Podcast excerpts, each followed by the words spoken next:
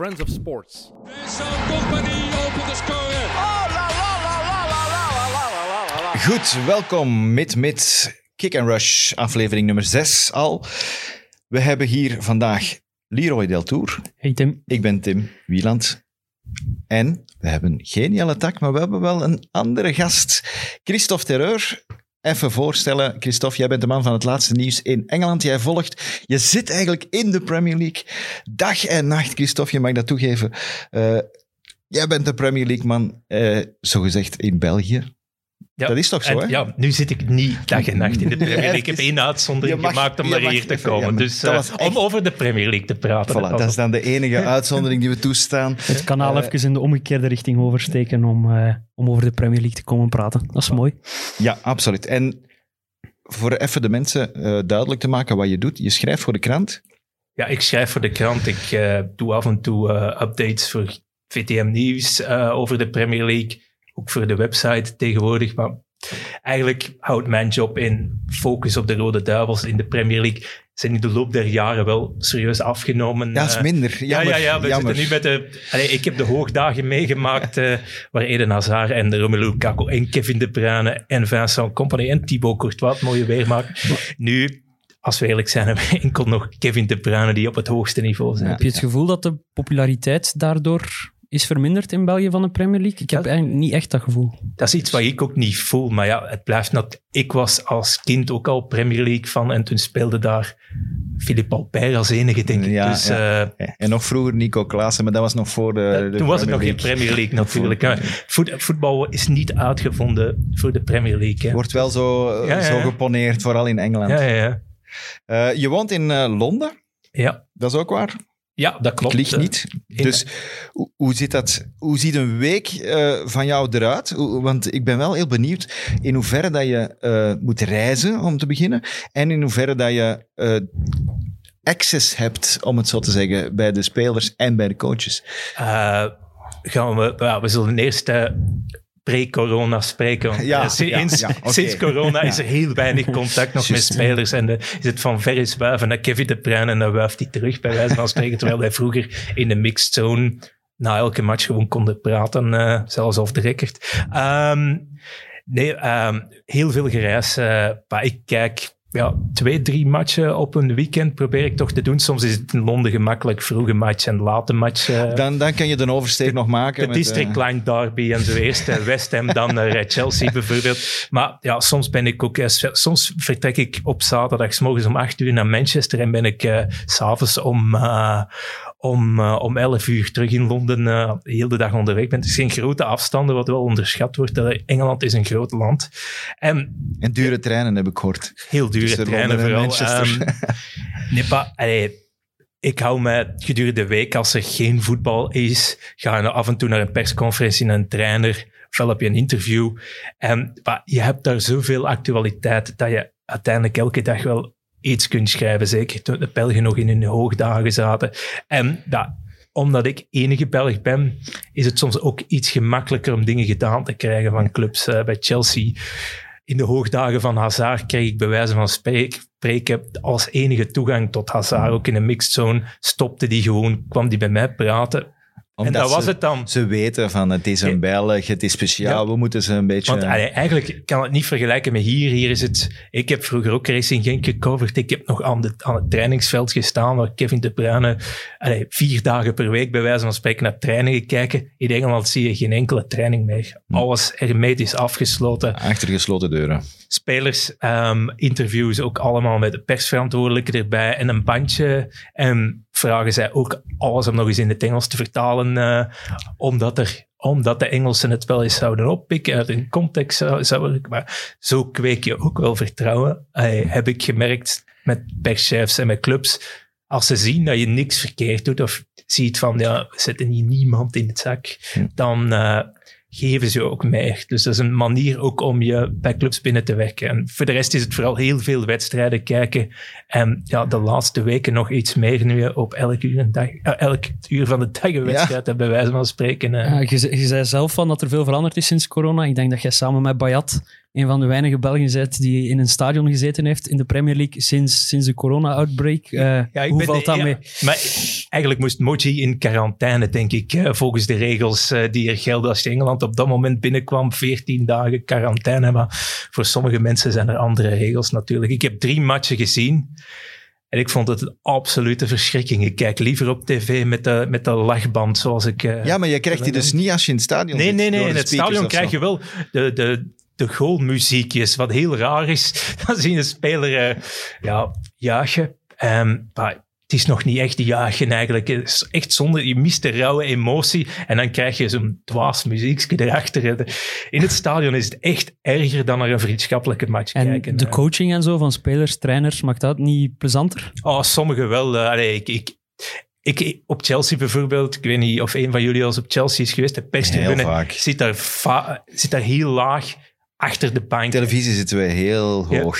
En op Chelsea kreeg je al alles mee, bijvoorbeeld. Maar ik zit graag heel dicht, bijvoorbeeld bij José Mourinho. Ehm Tottenham gemerkt eh, dat hij bijvoorbeeld eh, Lo Celso helemaal de huid vol schold. eh Capron het, eh, op zijn Argentijns dan nog.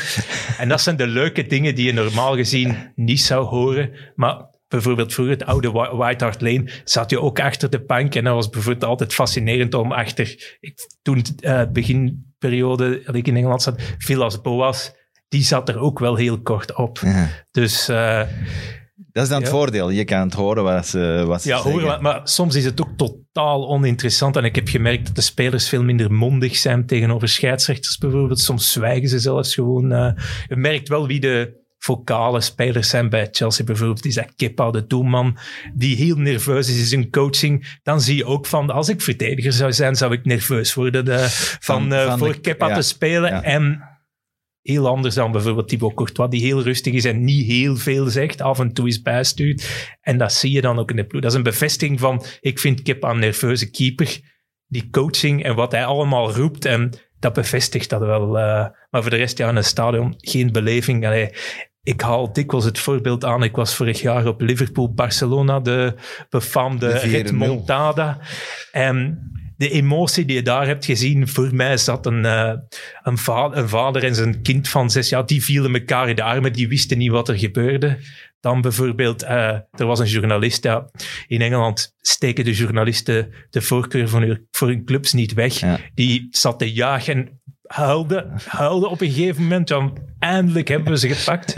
En dan ja, mensen die verwezen naar dat scorebord staan te, staan te kijken. Voor mij blijft dat, is dat in acht jaar de mooiste ervaring geweest dan die emotie in Liverpool van wauw, we hebben het ongelooflijke voor elkaar gekregen. En dat is, ja, in een leeg stadion heb je die emotie niet. Af en toe roept er eens iemand iets grappig, eh, eh, scheldend. eh. en ik was op een de befaamde match waar, op Tottenham. Op oude Wa- White Hart Lane zat altijd een heel vocale supporter, jonge gast, die zat altijd op de kap van de trainer. En op een gegeven moment, ik denk dat de laatste of voorlaatste match van Tim Sherwood was, en altijd met een gilet dit, en je moet dit doen en je moet dat doen, heeft Tim Sherwood, riep die gast, kom, en heeft hem zijn jasje gegeven en nu gaat jij het eens doen. Dat is een moment dat mij ook altijd zal bijblijven. Eh, Sherwood niet, niet, al, niet zo'n groot succes geweest natuurlijk bij Tottenham. Ja, maar misschien wel... Ik heb vooral onthouden Cabron en Mourinho. Ja, ja. Wel, omdat we nu toch... Hè, je bent in, eh, van Londen, dus we gaan het vandaag eens extra over Londense ploegen hebben. En dan ja, kunnen we niet rond eh, José, want José is neergestreken. De eerste keer was nog spectaculairder toen hij in eh, Londen aankwam. Al lang geleden, 2004. Eh, dat is echt 16 jaar geleden al. ja, hè. ja. Sindsdien hebben we José leren kennen als hè, de special one. Dan was hij de normal one. Dan was hij de weet ik veel De one. happy one. De happy one is hem al geweest bij Man United. En eh, nu is hij bij, bij ja, Tottenham. Op dit moment een beetje de unimpressive one misschien wel. Ja. Ik, eh, bij Tottenham heb ik nog niet veel van, van hem kunnen genieten eigenlijk. Je ziet zijn hand nog niet buiten die ene ambaras tussen eh, Loris en Son. Da- dan zag je de hand van Mourinho. Dan, dan had je zoiets van, oh, verdikke, daar is hem weer. Ja, Hij heeft het toch weer geflikt. Ja, Ja, en in zijn interview stelt hem uiteindelijk ook niet teleur. Hè. Mourinho blijft Mourinho. maar hij is, is fantastisch om naar te kijken. Maar en langs de andere kant ik snap ik ook wel de mensen die zeggen, ik krijg daar de kriebels van, van die kerel. Ja, ik heb heel gemengde gevoelens bij Mourinho. Ik ben, ben zelf een Chelsea-fan, dus ik heb... eh, Ja, dus staat hem heb- voor u sowieso ja, op een standbeeld. hem, eh, op een piedestal. op een, eh, op een podium. Ehm, Drie. drie, voilà, inderdaad, drie titels gepakt. Ehm, maar wat ik, ehm, ja, wat ik, waar ik mij nu aan stoor bij hem is, eigenlijk heb ik het gevoel dat hij ergens in zijn carrière is die angst bij hem om, verliezen, om te verliezen groter geworden dan het plezier dat hij precies uit overwinningen haalt.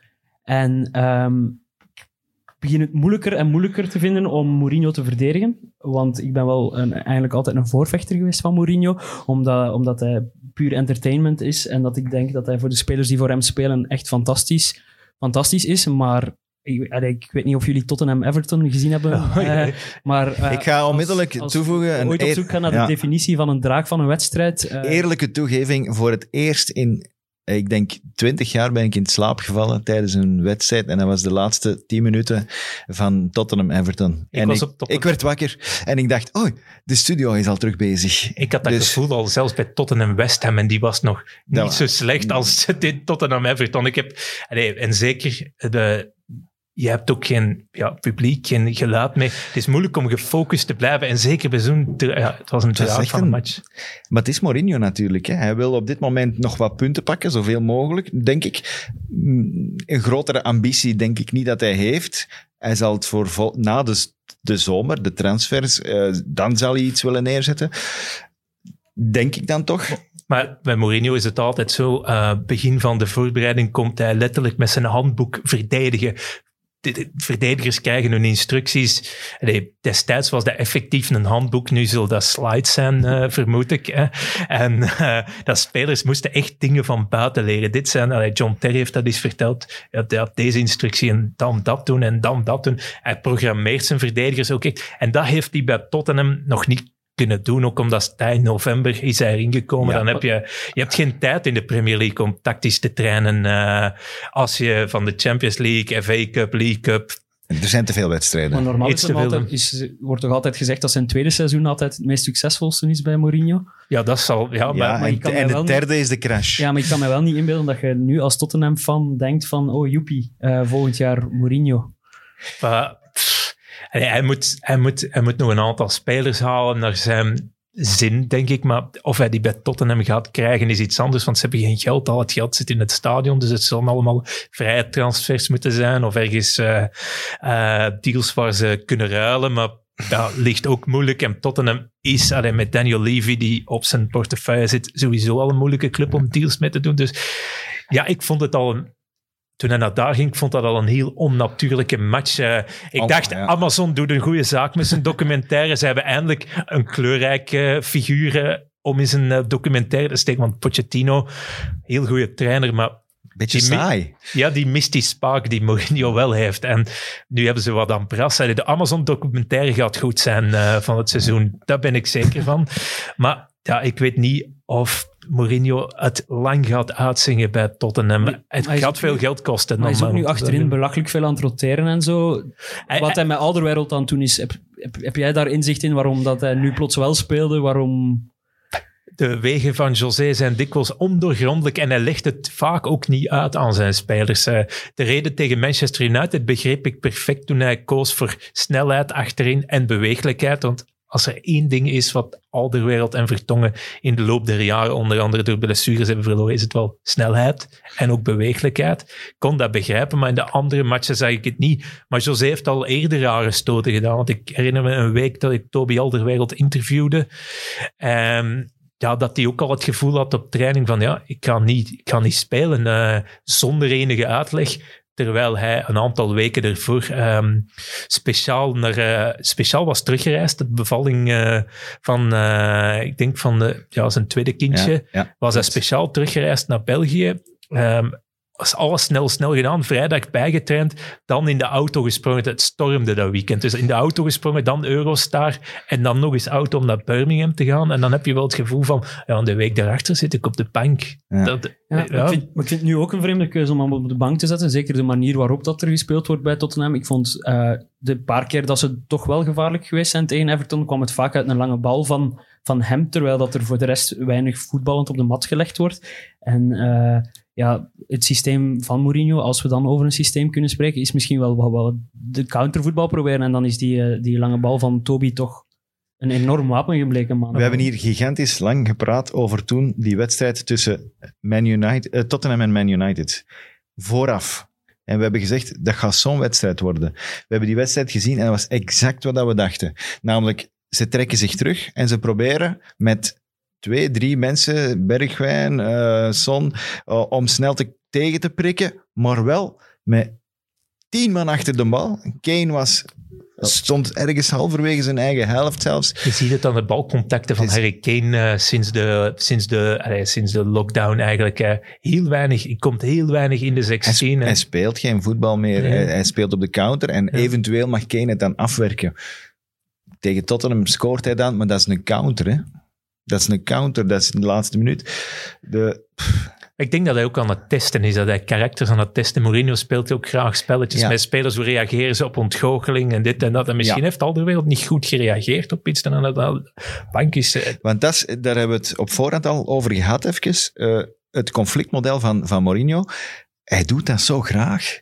Om, om te voelen, wat heb ik hier, welk vlees heb ik hier in de kuip? Ik, ik krijg hier vechters of heb ik, hier, of heb ik sl- slapjanussen? Hij heeft het met iedereen geprobeerd. Hij heeft met, met de toppers als Hazard heeft hem het geprobeerd. Hij heeft het bij Man United geprobeerd. Hij heeft af en toe steekt hem iemand, prikt hem iemand, haalt hem die neer en zien, ah, en, en nu? En, Dat werkt met bepaalde karakters. Ik herinner me dat Lukaku mij eens vertelde. Ja, José en ik, wij zijn water en vuur. Maar op een manier, Lukaku heeft dat nodig. Prikkel die hem, maakt die af. Ja. En die, allee, die, iemand die zich altijd ja, underdog heeft gevoeld, gaat er dan op reageren van... pff, bij sommigen werkt het niet. Ik denk dat het bij Hazard niet altijd heeft gewerkt. Ik denk het Eh, ook niet. Ehm, eh, allee, Hazard heeft zijn beste seizoen onder Mourinho gespeeld. Ook voor mij was beter dan het jaar onder Sarri.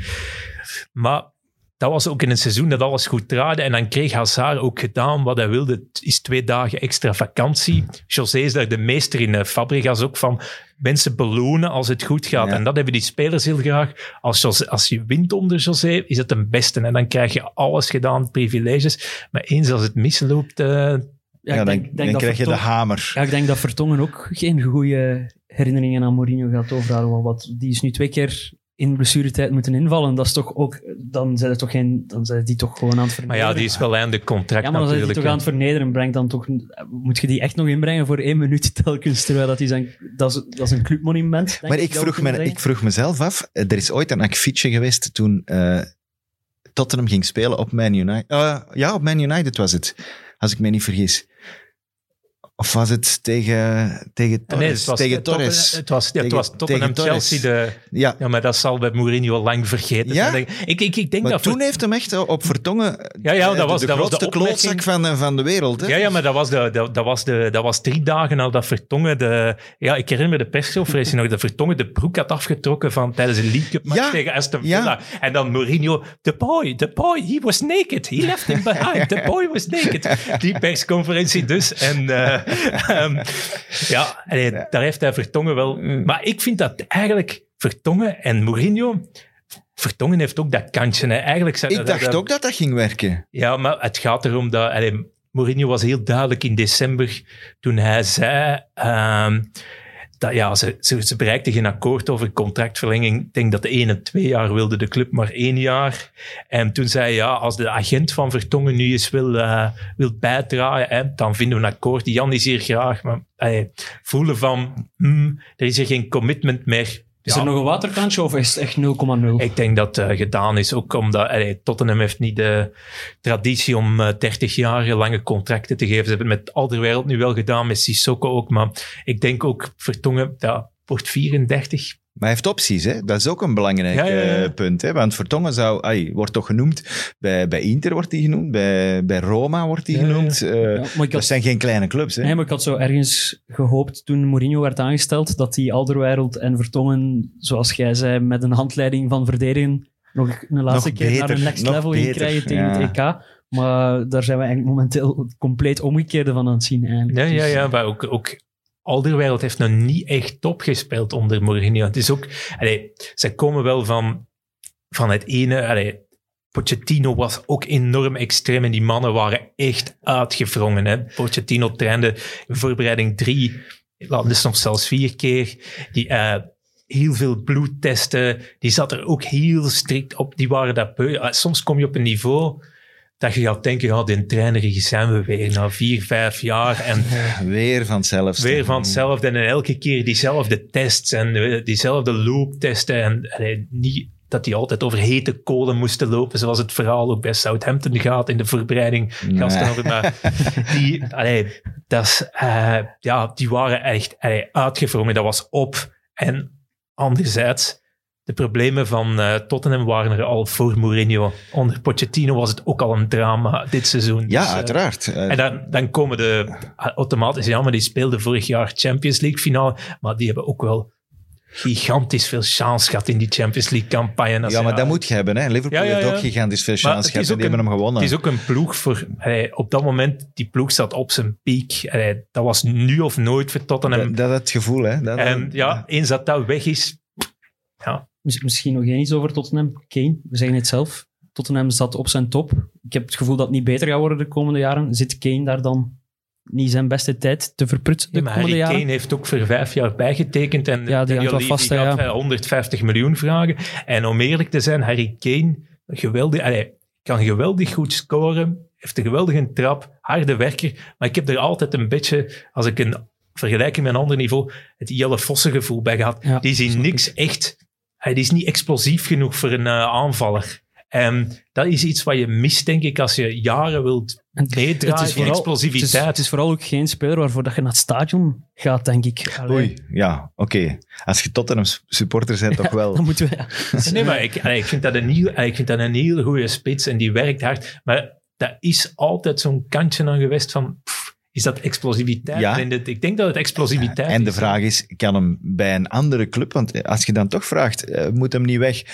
Leroy, bij welke ploeg gaat hem dan zitten? Roy Keane noemde Man United bijvoorbeeld. Bij Man United? Ja, gaat hij de, de explosieve Rashford, de Ja, en, en- Ja, eh, nee, daar ben ik- Greenwood... eh, in, wie zijn plaats? Die hebben toch nog altijd een zuivere... ah, en Greenwood is nu wel die doelpuntenmaker. Ik heb het vorige week zelf hier zot opgenomen voor Greenwood. Ja, Eh, dus die zou inderdaad blokkerend zijn. Maar, wel nog maar een ik vraag me af of hem dat, die, ga- die hebben wel zo'n type spits nodig, denk ik. eh, dus om bepaalde, ma- om bepaalde Geef nog eens matchen een, te ik wil nog beslissen. een tweede naam horen. Een tweede naam, nog Ja? een tweede club.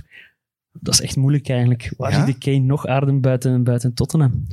Ik, Ja, kan want niet, ik kan niet direct een tweede Als je, een zwerver, als je een zwerver wilt... eh, ja, maar dat- bij Real Madrid zit Benzema, maar daar heb je ook een zwervende spits zoals Kane is. eh, op, een, op een andere manier dat Benzema wel technisch sterker is, maar... Dat, dat vloekt heel hard in mijn hoofd. Harry Kane bij Real Madrid. Ja, de, hoeveel, ja, maar dat Ja. is zoals veel Engelsen bij Real Madrid. Dat hoeveel, hoeveel Belgen, hoeveel Engelsen, sorry, hebben het bij Real Madrid gemaakt? Ene.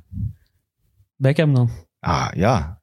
Dat is toch de De grote enige? Steve McManaman vergeten. Met- ja. En Michael Owen. En Woodgate was ook een groot succes. Woodgate en, en oh, Michael Michael Owen en, en noem ze maar op. Dat is toch niet genoeg?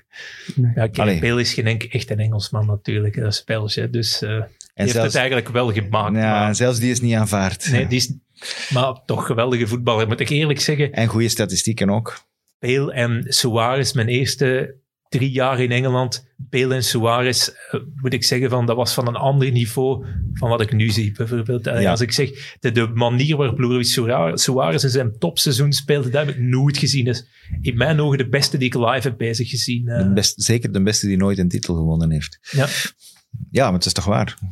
Want als je nu vergelijkt, nu wint Liverpool wel de titel, zonder Suarez. Ja, ze hebben iets anders. Ze hebben andere wapens. Ze hebben, ze hebben Mané, Salah, Firmino, die gecombineerd meer Ja, en haal je doen daar eentje- dan Suarez alleen. En haal er daar eentje uit en het werkt plots niet meer. Hè. Minder, Dat hè? het, Ja, zo is dat.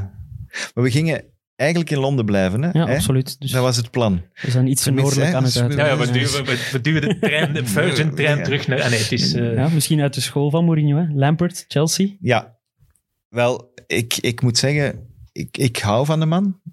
Hij, hij staat tegenwoordig bekend om zijn persconferenties, dat zult jij misschien ook weten. ja, ja, ja. Altijd een grapje maken en dan zich herpakken en een ernstig punt maken. Dus dat is de Lampert-manier. Zo lachen even En dan, nee, nee, serieus. En nu het, het ernstige punt. Ik vind En dat doet wel hij echt altijd. de point op zijn persconferentie. Doet hij goed, hè? die zegt, allee, die is recht uit. Maar hij heeft een systeem. Het lijkt alsof dat het ge, ja, voorbereid is en, en ge- gecoacht. Maar je weet, eh, op Chelsea eh worden... Allee, perschef zit er daar wel redelijk op. Eh, en ik herinner me ooit het verhaal verteld... eh, iemand heeft me ooit het verhaal verteld, zelfs bij Mourinho nam hij voor de persconferentie alles wat geschreven door was eh, met, eh, met José. En dan zei ja, José, daar ga ik niet op reageren, daar ga ik niet op reageren, daar ga ik niet op reageren. En dan net voordat zij ja, in Chelsea de persconferentiezaal indraaien. Was het bureau van de assistent, toenmalige assistent Rui Faria. Ook nogal een explosief karakter. En die zei dan, José, heb je dit gelezen? Heb je gezien wat Arsène Wenger heeft gezegd over je? Heb je gezien wat Rafa Benitez... Dus Mourinho stapt opgenaaid die persconferentie binnen hè, door zijn assistent. En dan, ja... Schiet hem een vraag over eh, Arsène Wenger of Rafa Benitez en het, en het eh, elektrische ketel begint te koken. Hè, dus, eh. Maar ik vind Lampert, Lampert is verstandig. Allee, verstandig, down to earth ook van de spelers horen van... Allee, herinner me dat Eden Hazard was verbaasd op de eerste training bijvoorbeeld, dat Lampert aan hem kwam vragen van, moet jij water hebben? Eden Hazard die als nieuweling binnenkomt, en je denken van, ja, nieuweling, jij zet de water dragen. Nee, Lampert vangt die op. Allee, heel goed in man-management. Anderzijds, hoe hij bijvoorbeeld met Batshuayi omspringt, Ja. dat is... Maar, zo zijn alle trainers. Als de speler niet meer willen, maar ligt dat niet deels ook aan Batshuayi zelf? Ja, hij is niet de meest gedisciplineerde speler. Met Nee, maar hij ligt goed in de groep. Hè. En hij is, hij is een lolbroek. Hè. Ja, wel, maar ik heb het gevoel van, je kunt een lolbroek zijn, maar als je niet uitvoert wat je opgedragen krijgt, dan een trainer wil dat twee Nee, maar keer het is al- door de het is- vingers zien. Het is, maar- al de, het is al de derde trainer die, eh, die erop afknapt. Dan wil het ook wel zeggen. Ja, want, want ik vind bijvoorbeeld... Het is duidelijk dat eh, Jorginho ook wat opzij aan schuiven is. Omdat hij heeft gezegd, omdat hij van zijn middenvelders verwacht hij meer polyvalentie. Hij verwacht eigenlijk dat zijn middenvelders zowel loopvermogen hebben als, als kunnen verdedigen, als kunnen aanvallen. Terwijl Jorginho eigenlijk een heel specifiek type is. En dat heeft hij ook zo gezegd, van, dat dat eigenlijk een beetje het probleem is met Jorginho. Maar toch is hij niet te trots om eigenlijk nu het laatste kwartier Jorginho in te brengen. Want dat was nodig om die wedstrijd te winnen, want anders geven ze het gewoon weg tegen Crystal Palace. En ze brengen Jorginho in om rust te brengen, want Gilmore was, was aan het verdrinken. En dat vind ik dan wel weer chapeau aan Lampert. Als, eh, ik snap dat een Batshuayi dan hard is en Jorginho komt eigenlijk ook niet meer in zijn plannen voor, maar dat hij dan toch niet te trots is om, om die erop te brengen. Het is ook nodig, want hij heeft een probleem vaak op zijn middenveld eh, waar het evenwicht niet... Tuurlijk. Dat, dat, dat- hij- Ja. Daar is hij zoekende. Omdat hij mensen heeft als Mount en Barkley en zo. Dat zijn aanvallende spelers. En die heeft alleen Kanté, die daar echt die- verdedigende middenvelder, of Jorginho natuurlijk, maar die speelt niet meer. Maar voor de rest moeten die, en die, die, die backs, die zijn dan ook vaak weg.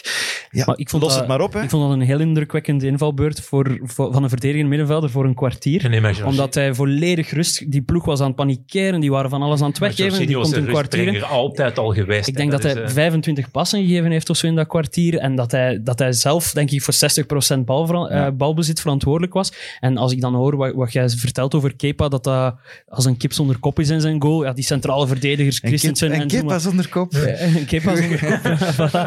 En dat Zuma achteraan en, en Christensen ook totaal niet de rustbrengers zijn. En puur door Jorginho met zijn voetbal, hoe dat hij op dat moment Ja, maar die, hij brengen. gaat toch sowieso weg, want hij gaat naar Sarri. Hij gaat altijd naar Sarri. Sarri. Hij Dat gaat is naar de Sarri. zoon, de zoon van Hij gaat naar Sarri, zoals Juve. bij Chelsea in de kleedkamer. Voilà, hij gaat naar Juve. Maar ik vind wel, bij Chelsea heb je het gevoel, ze zijn iets aan het bouwen. Eh, ze hebben We- We- Werner al gehaald, ze hebben Ziyech gehaald. Ze, gaan nu, eh, ze zijn ook met Kai Havertz Havertz, bezig. Havertz, maar Ze hebben- dat is nog niet zeker. Hè? Dat is, Ah, maar meer en ze, meer, zijn, ze, ze, ze gaan, allee, hij staat, hij wordt binnen de club ook al niet meer ontkend, staat effectief op de lijst. Als hij niet Vet. te veel kost, duwen ze het door. En ik denk dat Abramovic nu wel doorheeft dat hem, allee, het is het moment om te investeren. Liverpool zit op zijn top. Hoe lang gaan die daar zitten? City krijgt nu zijn, eh, allee, met, zijn met Ja. Europese schorsing die dreigt, die gaan ook een tik krijgen. Man United zitten op hun niveau. Ze hebben een heel goede jonge generatie. Met, allee, ze hebben er vijf, zes waarvan je denkt van, dat kan je mee haal nu gasten, de jongste, eh, de beste talenten elders weg en maak daar één ploeg van. En je bent misschien weer vertrokken voor tien jaar. Zoals, het is op een andere manier dan, eh, dan, eh, dan tien jaar geleden. Maar ik heb wel het gevoel van Chelsea, daar zit weer een drive achter. wat ze de voorbije jaren niet hebben gedaan, is zoveel uitge... Allee, Ja, maar ze hadden een transferverbod, hè. ja, ja, maar dat, dat, is is, er ook tussen dat is gekomen. de redding geweest Ja, van een zegen, hè, absoluut. Dat is een zegen. Ja, dat maar daarom hebben ze nu ook geld om te Maar- maar zeggen... ja, maar maar kun- Morata... Maar kunnen ze en Havertz kopen en een linksachter en een centrale verdediger? Want uiteindelijk vind ik een linksachter en een centrale Ja, ja, dat is- verdediger veel prangender Ja, maar voor dan de Havertz. Maar centrale als je effectief. Jorginho kunt verkopen, en, en Barkley wordt ook genoemd bij, bij West Ham, denk ik. Ehm, Dat is te weinig voor Barkley. Ja, hij wil Declan, hij wil Declan Rice eh, halen als verdedigende middenvelder en Ja. verdediger ja. om de twee te spelen. Dus, Terecht. Hij is een grote fan ook. En hij kent West Ham heel goed, dus als hem daar gaat shoppen... Ik denk dat je primair een centrale verdediger hebt. Kan, kan Declan Rice... Nee, nee, nee. de- Hij wil die als centrale verdediger, want hij heeft hem al gezegd. Ja, ja, ja. maar die kan, als- hem, kan die die verdediging... Maar die kan ook op het middenveld. Dus maar kan die die verdediging naar een hoger niveau tillen? dat is hij- we is- moeten is- zien. Dat is iets wat we niet weten. Is, maar is hij de leidersfiguur die Het is een grote, het is een sterke. Hij heeft ongelooflijk loopvermogen. Beste Hij is snel. Ja. Is ook van de jeugdopleiding van Chelsea. Ja, ja. ja. voilà. Maar en, en dan linksachter nog altijd Chilwell, die wordt genoemd. Ja, maar die gaat te duur zijn, vrees ik. Dus gaan ze het bij Ajax zoeken, bij Tagliafico dan. bijvoorbeeld... Bijvoorbeeld. Maar ja, transferperiode duurt nog lang. Hij is nog twee, nog eh, drie Ja. maanden. Ja, om, eh, Want nu is hij met zelfs zodanig aan het forceren met Aspilicueta op linksachter terug te zetten. Ja. Maar ja. Kan je overal zetten. Die kan je zelfs in doel zetten. eh. Alonso is een afgelopen verhaal, hè? Toch? Alonso is niet? ideaal in een driemans. Dat zit driemans verdediging. Ik en denk dan op de omhoog wing, te spelen. Ik denk, ik Ja. dat je die wel wilt houden als tweede linksachter voor, inderdaad, de als alternatief. toe, eh, voilà. Hij Maar maakt pikt wel heel veel volkjes mee, hè. fouten, hè? Ja, ja, maar als je wilt variëren, biedt hij toch Ik wel lees mogelijkheden. regelmatig de, co- de, de commentaren van Chelsea-supporters. Mhm. hè? Ja, verdedigen Nee, nee, kan hem maar- niet. Alonso wordt daar geregeld op Ja, afgemaakt niet, ja. door zijn eigen supporters. Dus En dat is meestal geen goed idee. Maar dat was met Willian ook heel lang. En plots is die... eh, Ik moet hem niet, William. plots is het... eh, ja. Maar dat zie je wel vaker. Spelers die aan de contract zijn en zich moeten bewijzen, kunnen altijd iets meer. hè. En ja, enfin, Willian wordt ook genoemd bij Tottenham, hè? Om, om de cirkel en bij even Arsenal rond ook, te maken. ik. En bij Ja, Arsenal maar ook, het, hè. het zou logischer zijn om naar Arsenal te gaan, gezien de connectie, wie zijn makelaar is, en te zien wie eh, de plak zwaait eigenlijk bij Arsenal. Want eigenlijk is Arsenal... Oh, we nu toch het bruggetje maken. We, gaan, we zijn er, we zijn er. De brug is er, de brug is er. De De, is- trein, is er. Ja. Ehm, Het is de underground. ehm, ja, bij Arsenal is eh, Kia... Kia Jacobs. Jarabshan. Jarabshan, whatever, heel belangrijk. Heeft Dat is, de, eh, dat is de man die, die ooit MSI heeft, ge- heeft opgericht en Ja. eh, met Tevez en Mascherano is gekomen. ja, ja, ja. Dus dat, is, dat die, is hij, hè? Dus die, de technisch directeur is zijn vriend. Met Raoul Sanlehi, de CEO, komt hij heel goed overeen. Hij heeft er David Luiz al gestald, Cedric Soares. Hebben alle twee toevallig bijgetekend. Hè. Ja, ja En toevallig nou. William, en die verhalen beginnen ook te komen. Allee, Arsenal heeft al zijn, bijna al zijn scouts eh, op non-actief gezet of ontslaan.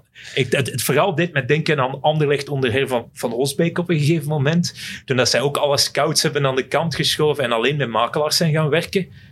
Ja, ik moest daar direct aan denken toen ik er las van... Ja, alle, ik kan het ook begrijpen bij Arsenal dat ze komaf willen maken met al die mensen die onder Arsène Wenger hebben gewerkt. Want dat was ook een, ja, een stoffig instituut Ja, geworden. eh. ja. Ja. Maar om het zo extreem te doen, al die scouts aan de kant te schuiven... Ja, Maar eh, ja, om eerlijk te zijn, hetgeen dat binnengekomen is na scoutingsrapporten, al dan niet, er zitten veel missers bij hè, ja, ja, ja, de ja, laatste ja. tijd. Toch wel, hè? Ja, maar welke transfers zijn daar eh, vol- voltreffers geweest, denk ik? Aubameyang.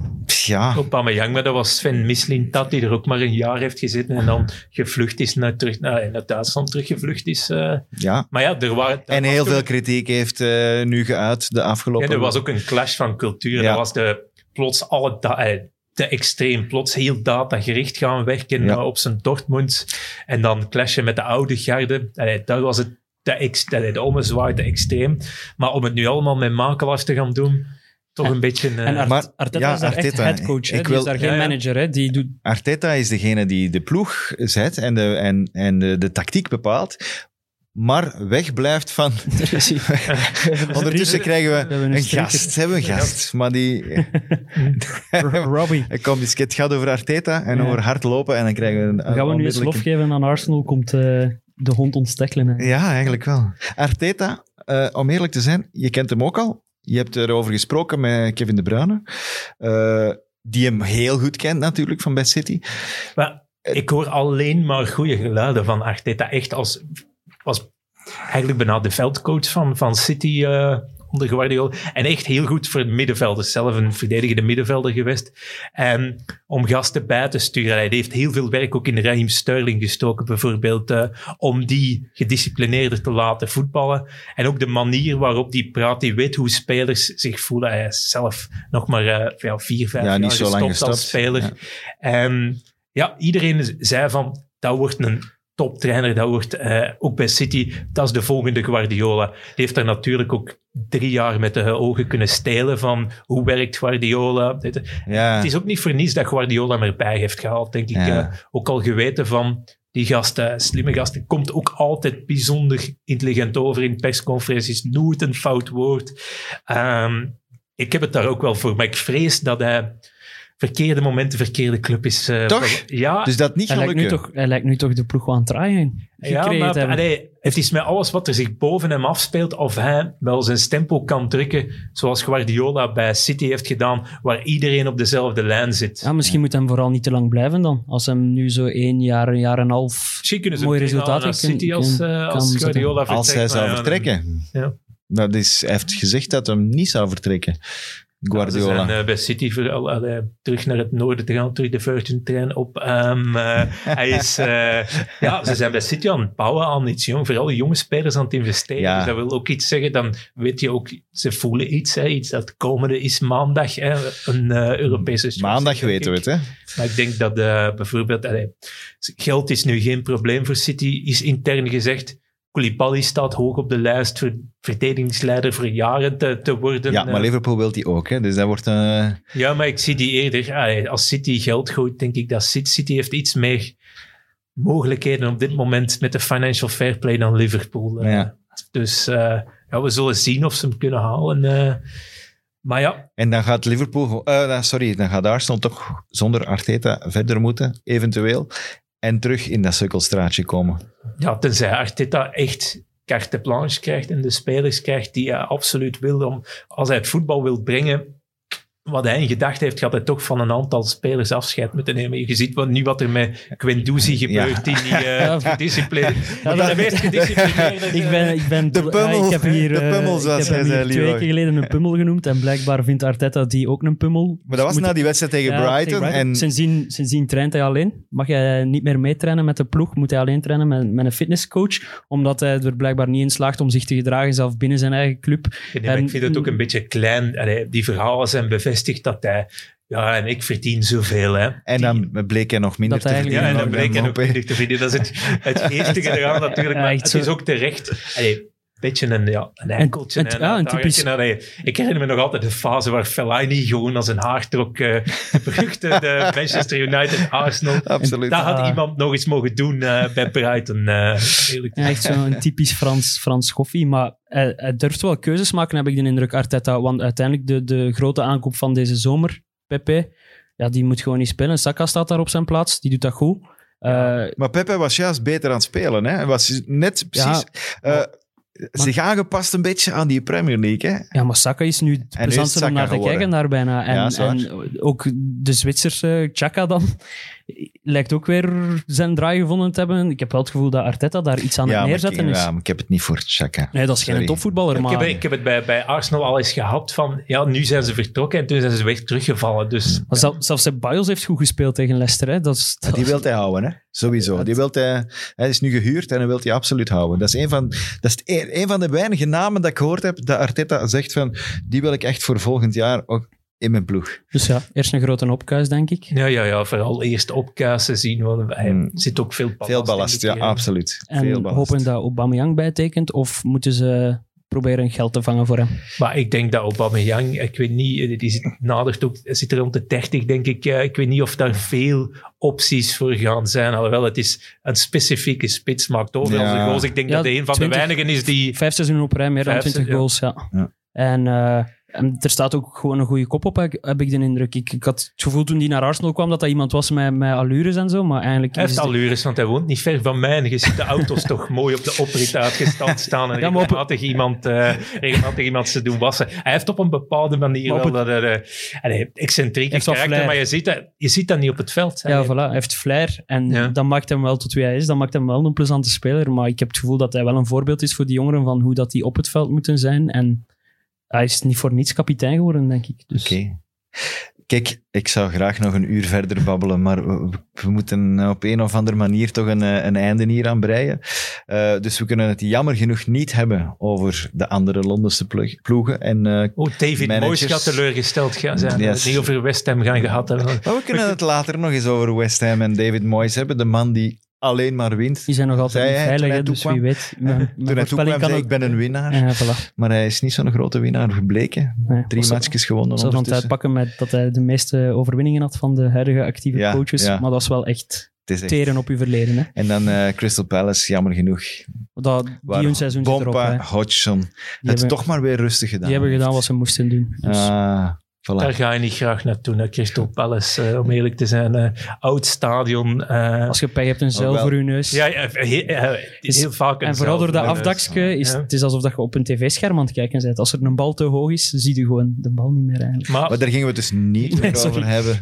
Eh, nee, Christophe, bedankt voor eh, eens een keer langs te komen. Ik hoop dat je daar nog eens een vrije moment voor vindt. we zullen, de Eurostar zal wel terug geregeld Iets- zijn. Iets, ja. ja. Ja, Moet jij- één keer per dag. Moet in quarantaine nu, nu jij terugkeert? Eh, het is de tien, vanaf de tiende gedaan, dus... eh, Ik ga Even wachten met terugkeren. Ah, oké. dus, Ça va. eh, het is morgen, hè. Morgen. Ja, ja, ja. Oké, is goed. Eh, ik moet nog eh, een dienstmededeling doen, want u heeft dat misschien gezien. Er, zit, eh, of er ligt een, eh, een shirt van eh Juri Tielemans. Een gesigneerd shirt van Juri Tielemans hier op de zetel.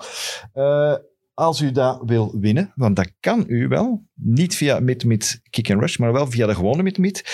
De vorige aflevering van afgelopen dinsdag met Jelle van Damme, die moet je dan bekijken, want daarin zit de manier verstopt Er zijn ook waarop je veel, dat shirt kan winnen. ook veel leuke verhalen met Jelle van Tam. Ook veel leuk. En ook in Engeland geschot, bij Ja, ja, en JM zijn favoriete speler... wat- de beste speler waar hij heeft mee samengespeeld is ene JM. JM. Ja. Dan moeten we gaan zoeken. Tegen volgende week gaan we het antwoord Ik was vinden. erbij bij de opnames en ik weet al, Jij niet weet het al. wie dat het was. Oh ja, dat mag je niet meedoen, hè? Mag ik kan je er echt niet meer op komen. Ja, John Moncur.